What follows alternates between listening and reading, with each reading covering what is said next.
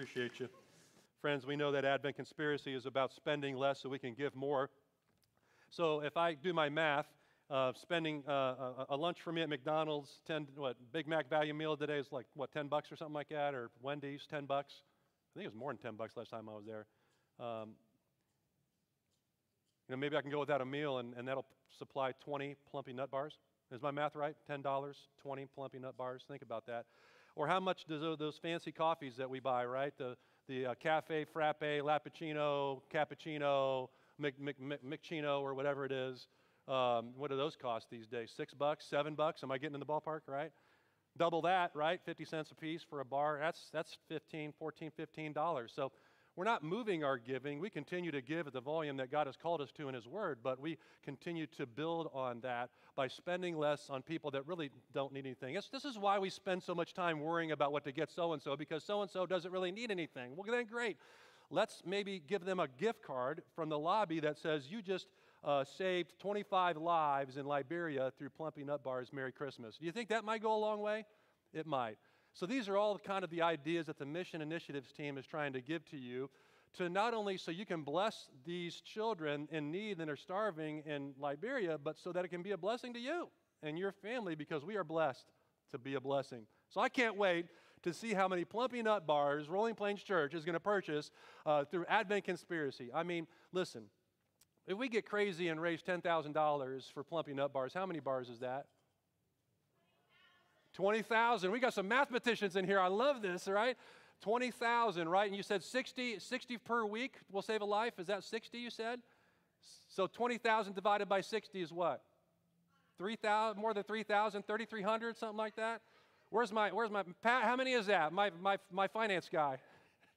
3,300 people? I mean, we could change lives, right? Just absolutely change the world. This is exciting. This is really what Advent is about here at Rolling Plains, and we're so excited. And we have two more projects to share with you in the next two Sundays. Who's ready? Who's excited? Yeah, God is good. God is good.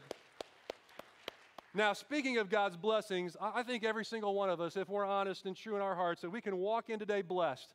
No matter how difficult our week was, no matter the challenges that we know we're staring at this coming week, friends, we are blessed. I found myself gathered around the table at my household on Thursday, and uh, had Austin and Peyton and Braxton and Tana and Isabel and Elizabeth and Aaron and Tom and Kathy, my in laws, and then, and, and then um, uh, Tim and Kathy, friends. And, and we just had a, we had a full house, a full table, full bellies, and full hearts. Friends, this is the abundant life that God wants to talk to you about. When Jesus says, I want to give you life and life to the fullest, friends, because when it all boils down to what matters most, when what matters most is at the center of your heart, life can truly be experienced abundantly. Now, that didn't mean that our family hasn't had a difficult year, all kinds of challenges swirling around, health issues and struggles and challenges. But, friends, that day we, remi- we reminded how blessed we are. And that's what we've been talking about. Friends, today we woke up. Amen. Today we drew breath.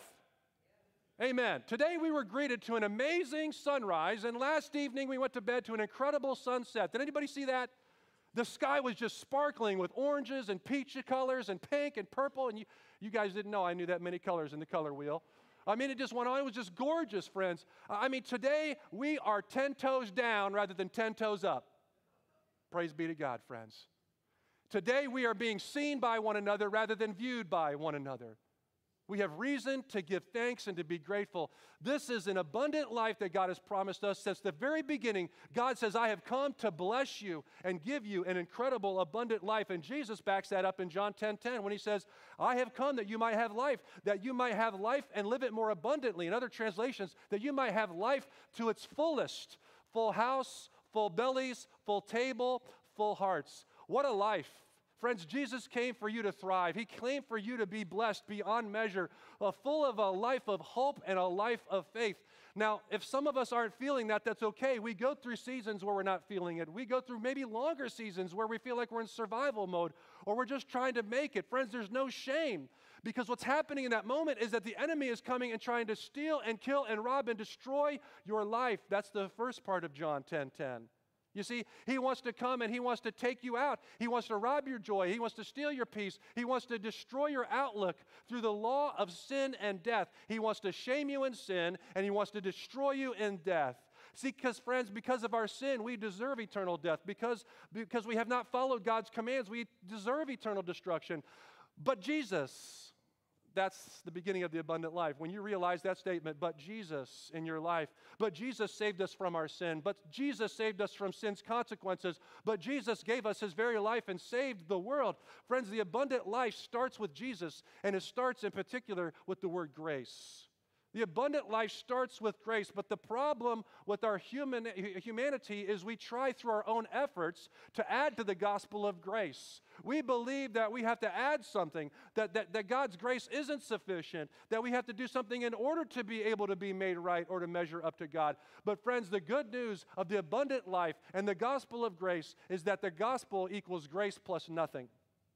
When you realize that it's grace plus nothing that leads to the truth of the gospel, then you realize the abundant life. You truly understand that I'm living in the gracious arms of my loving God, and no matter what comes my way, His grace is going to be sufficient. Paul talks about in the Bible in Galatians chapter 2.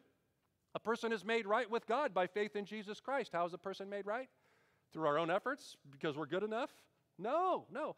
A person is made right only with God by faith in Jesus Christ, not by obeying the law, not by being good enough, not by doing all the right things and saying all the right things. When was the last time you ran into somebody who said all the right things and did all the right things?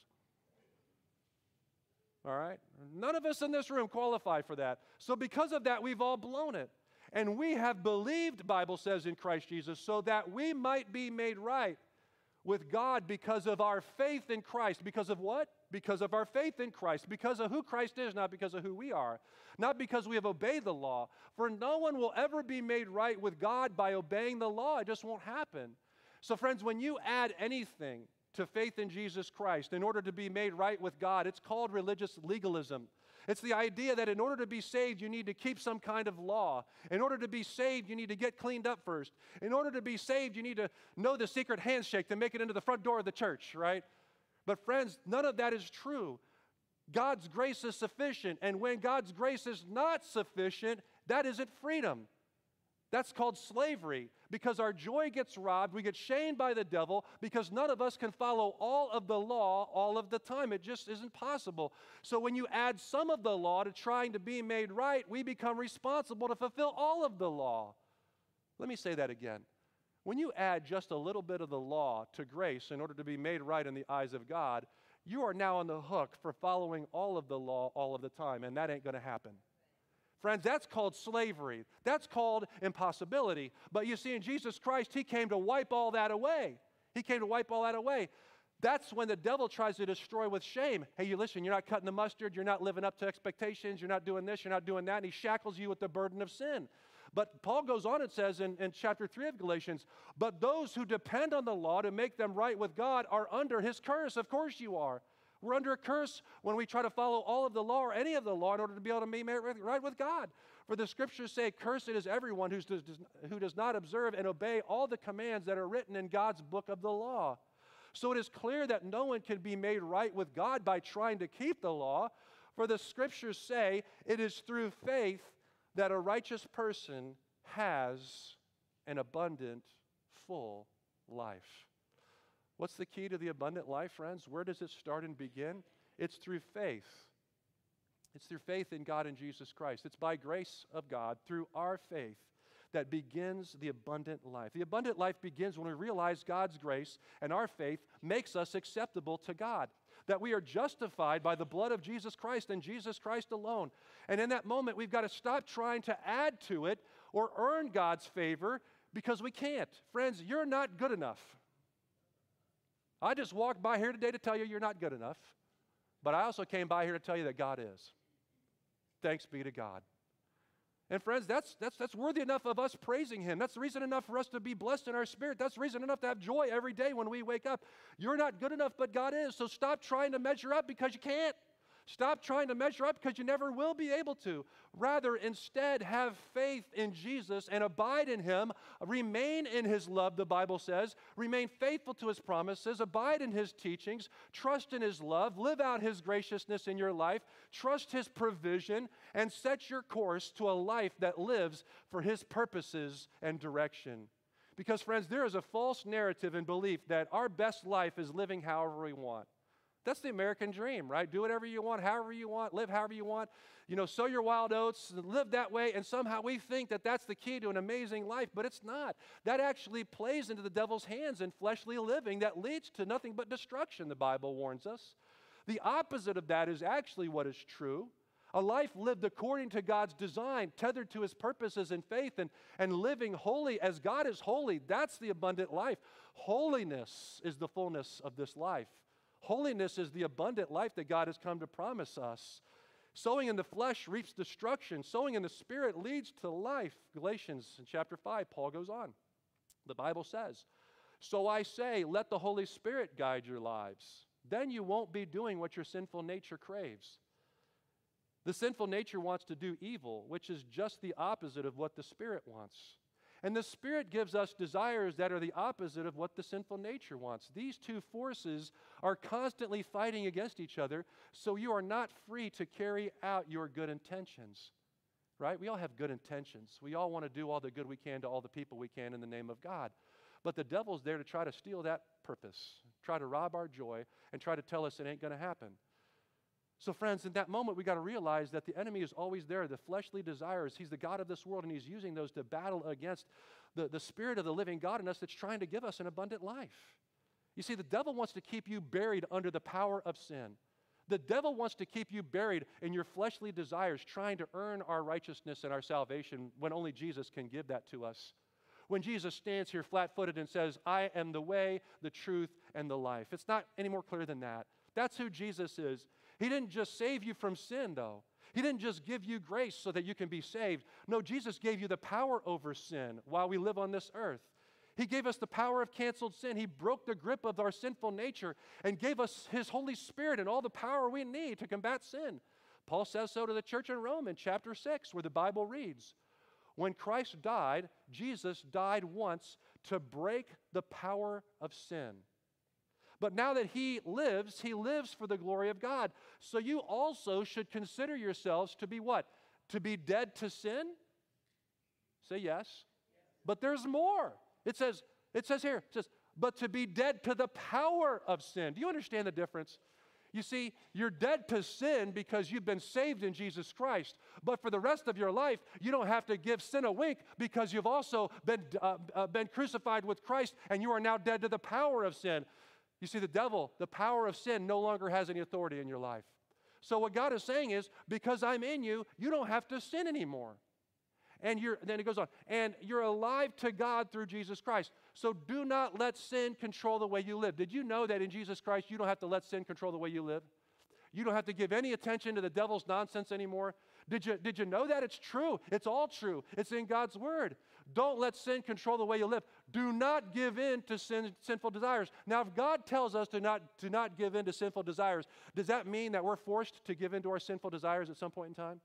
No. Why would God say, don't give in to your sinful desires if it was something that God did not have control of in our life? But because God does have control of our life, because we've been washed in the blood of Jesus, because the power that raised Jesus from the dead lives in us and the Holy Spirit, oh, friends, we have the ability to, to hold on to self control and we have the ability to not give into our sinful desires. Because you see, in Jesus, with the power of the Spirit of God in us, we have all we need to live free of sin's power. It sounds like an abundant life to me free from the pulls of this world, free from the temptations of the flesh, free from the enemy uh, uh, uh, of, the, of destructive nature, and to be able to live uh, in all the fullness of life as a child of God, as recipients of all the fruits and blessings of the Spirit and the abundant harvest that comes from that kind of life, which are the fruits of the Spirit love, joy, peace, patience, kindness, goodness, faithfulness, gentleness, self control.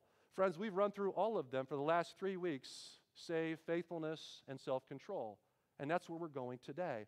Because those things are the fruits of an abundant life. Those things are the harvest of blessings that come when we live holy as God is holy. You see, when you let the Holy Spirit guide your life, when you live in the power of canceled sin, God equips you with the supernatural resources to be able to do so, to be able to live that kind of life. to be able to remain faithful in the face of temptations when sin is knocking at your doorstep, to have self control when the world and our fleshly desires and our fleshly nature comes a knocking at our door, which, by the way, they will about every five seconds in our life. I mean, temptation is always there. The struggle is real because the enemy is real and he's trying to just destroy our lives. It's always there. But God gives us the power to say no to that nonsense, to say, no, devil, it ain't going to happen. You're like, well, how does he do that? How about 1 Corinthians chapter 10 verse 13? Paul writes another letter to another church, to the Corinthian church. In God's word, the Bible says, God is faithful. I want you to look at your neighbor right now and, and tell them that God is faithful. Say, God is faithful. And I want you to look at your other neighbor and say it like you mean it this time and say, God is faithful. Therefore, I can be faithful. Say that now to somebody next to you. Therefore, I can be faithful. And then look at somebody else and say, Therefore, you can be faithful. All right, God is faithful. And because God is faithful, we can be faithful in our life in Jesus Christ. So God is faithful, Paul says. He will not let you be tempted beyond what you can bear.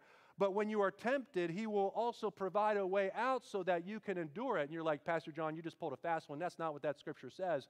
Because everybody walks around saying, well, God will never give you more than you can put up with or endure in your life. Friends, that's, that's not true.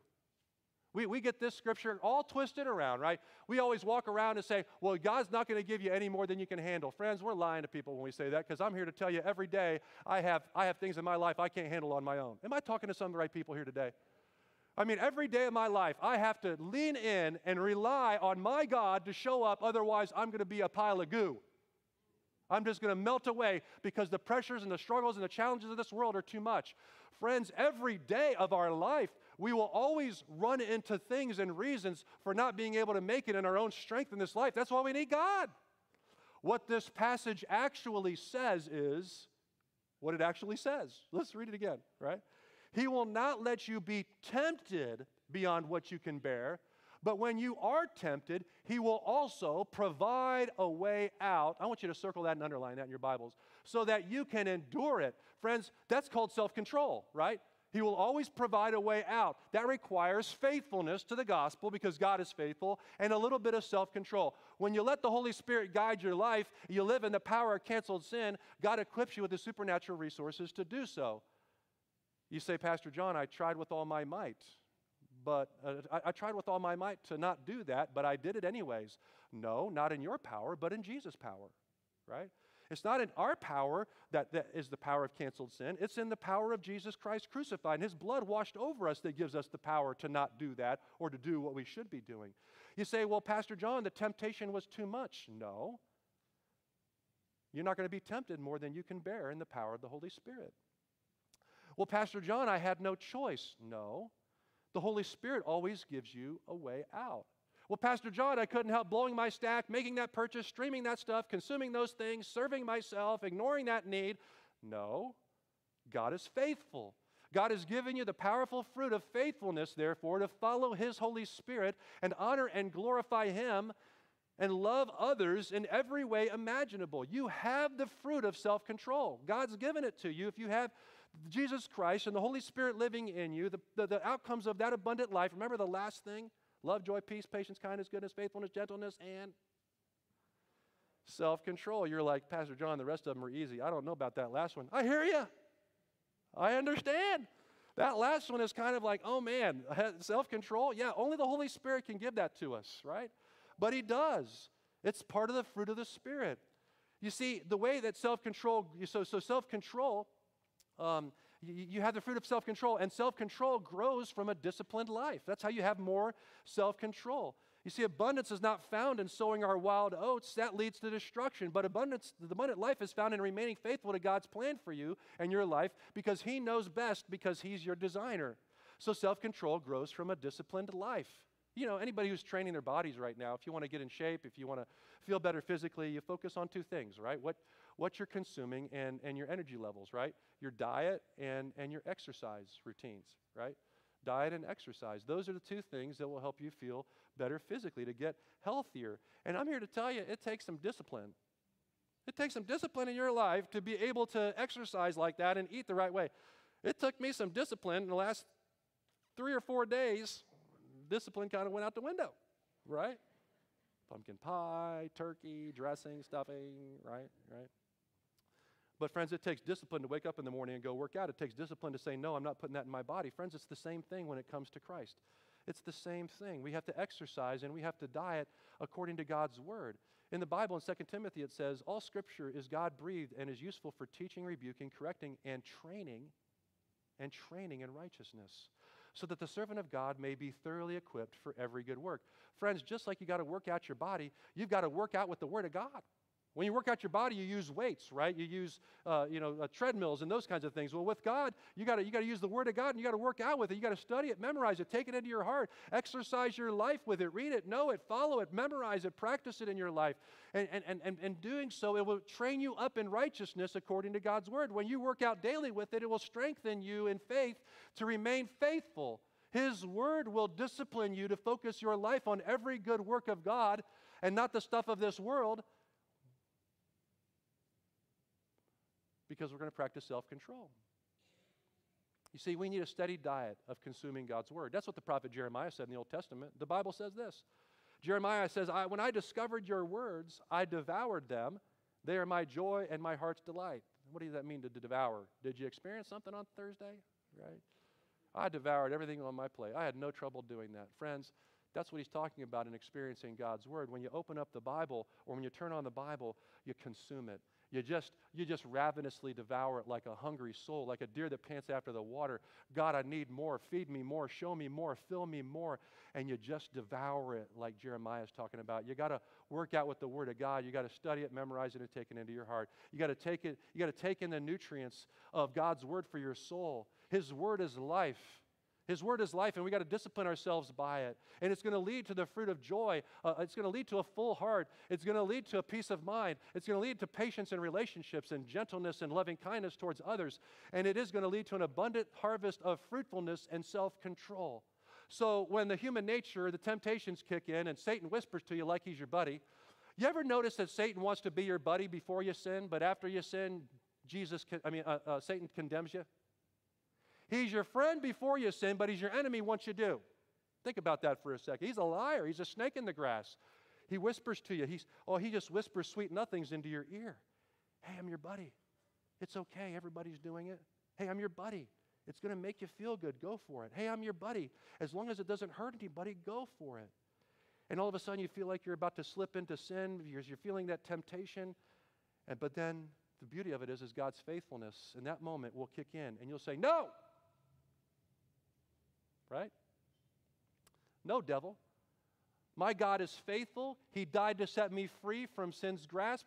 I am dead to the power of sin. His his spirit, therefore, has set me free. He lives in me, and I'm going to remain faithful, and I'm going to honor Him, and I'm going to live holy as He is holy. Because why? Because your training is kicking in, and you say, No, devil, God's word says you're a thief and a liar. God's word says the stuff of this world is going to bring me nothing but destruction. And so then that moment you're able to maintain discipline. You deploy self control because God has been prepping and training and equipping you through His word for these works of righteousness, these good things, the things that you know you should be doing that you're going to do, and the things that you know you shouldn't be doing that you're not going to be doing anymore because that's how God has trained you and raised you up.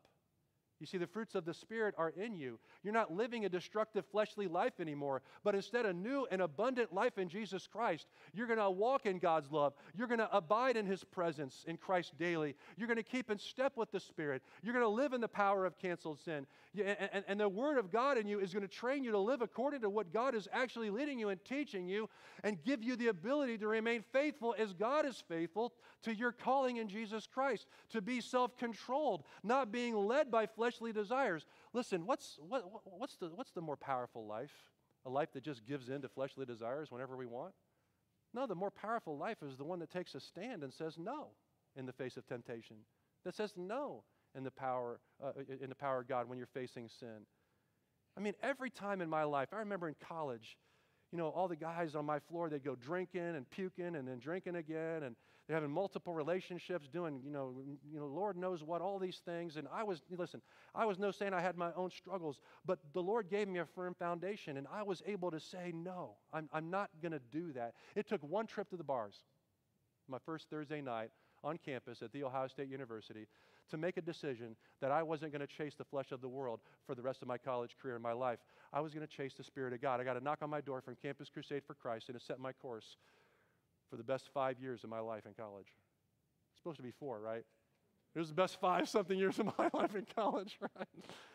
But friends, it was it's the power of remaining faithful to our God and his promises and his word.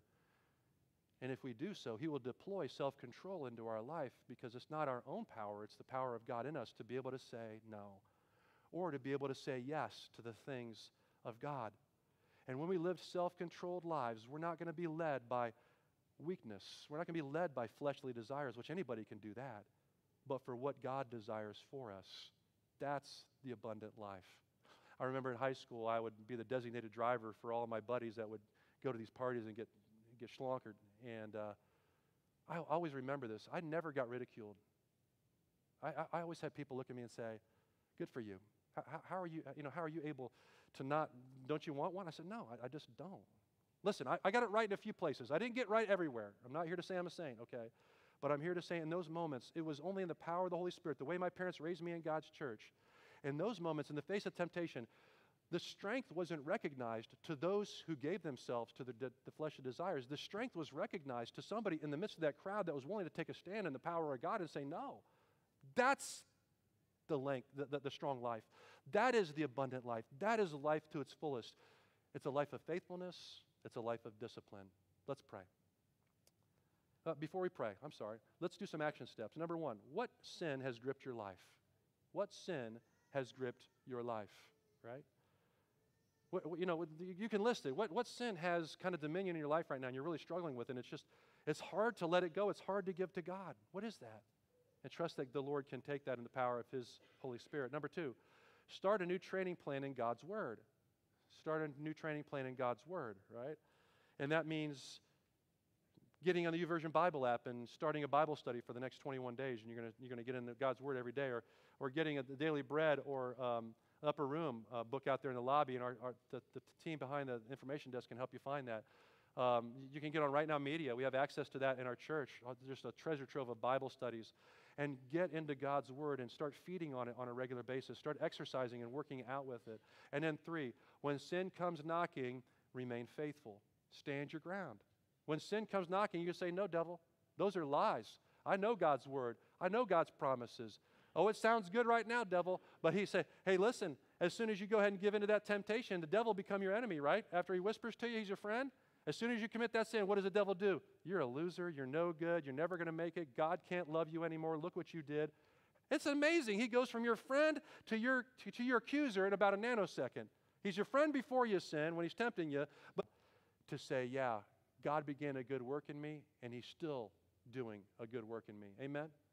It's about the good work that God's doing. It's not about the shame of the devil. So don't walk out of here hang your head low or feel shame because you're struggling. Friends, the battle is real, and we're all struggling in this room. Amen. We're all battling something. We've all got something in our life, but God promises us that He'll always give us a way out. He'll always equip us with everything we need for the abundant life of self control and faithfulness. If you're watching online here, you're not alone in your struggle. If you're here today, you're not alone in your struggle. The battle of sin is real. But, friends, as God's people, we just got to say we're not going to tolerate it in our lives anymore. See, we get that wrong, though. We say, we, we look at others and say, I'm not going to tolerate sin in your life anymore, right? We point out people's problems and everything. No, no, no, that's not the message of the cross. The message of God's church is to say, as an individual in my own life, I'm not tolerating sin anymore. Am I talking to some of the right people here today? We're just not going to tolerate it anymore because the Spirit of God in us will not let us rest without God ridding our life completely of sin and taking on His holy character. And that's the work He's going to do until the day of Christ Jesus, the Bible says. So you're a work in progress, I'm a work in progress, but the abundant life comes from faithfulness and discipline, not sowing our wild oats in the flesh of this world, friends. Let's pray. Lord God, thank you for this day. We thank you for our worship team. We thank you for our mission initiative team. We, we thank you for all the things you're doing in our church. We, we thank you for the fresh direction you're going to give us as we walk out of here today, the encouragement that we're not alone, the encouragement that we matter to you and that we matter to the people in this room. Lord God, thank you for the encouragement that we don't battle the, the temptations of sin and the flesh on our own, but you give us all the power we need. Lord God, we own that today in our hearts. In this moment, Lord God, we own your crucifixion. We own your death and burial, and we own your resurrection in our life. Therefore, when you died, sin died with you, Lord God. And we have the power of canceled sin in our life, Lord God. We have the power to no longer sin. We don't have to say yes to temptation. Lord God, you've given us the ability that you will never, you will never allow us to be tempted beyond what we can endure. You'll never, you'll never let us be tempted without giving us a way out. God, we own that here today. And Lord God, we believe in our hearts that the abundant life comes through abiding in your commands, that the full life that you promised us comes through living your best purposes in our life. Lord God, we, we confess to you here today that the abundant life is through living a faithful, self controlled life because you're faithful. So, Lord God, would you bolster us and strengthen us? We're all struggling in some area of our life, Lord God, and we pray for your wisdom and your power to continue to replace sin with your holiness. Lord God, we just, we're just not going to tolerate sin in our own lives anymore, Lord God. And we're going to love others with the power of your blood that are struggling with sin as well. We're going to offer grace and forgiveness just as you've offered it to us. And Lord God, we're going to show the love that you have for all of us through those acts of loving kindness. So Lord God, we thank you for this abundant life that you've promised us, and we thank you for the, we thank you for the roadmap that you've given us. Love, joy, peace, patience, kindness, goodness, faithfulness, gentleness, and self-control. Lord God, may all of us desire that abundant harvest of blessing in our life as the fruits of that full life. In your name we pray. Amen. Well, friends, would you go ahead and stand? And we're going to wrap up our, our service today with a closing song. But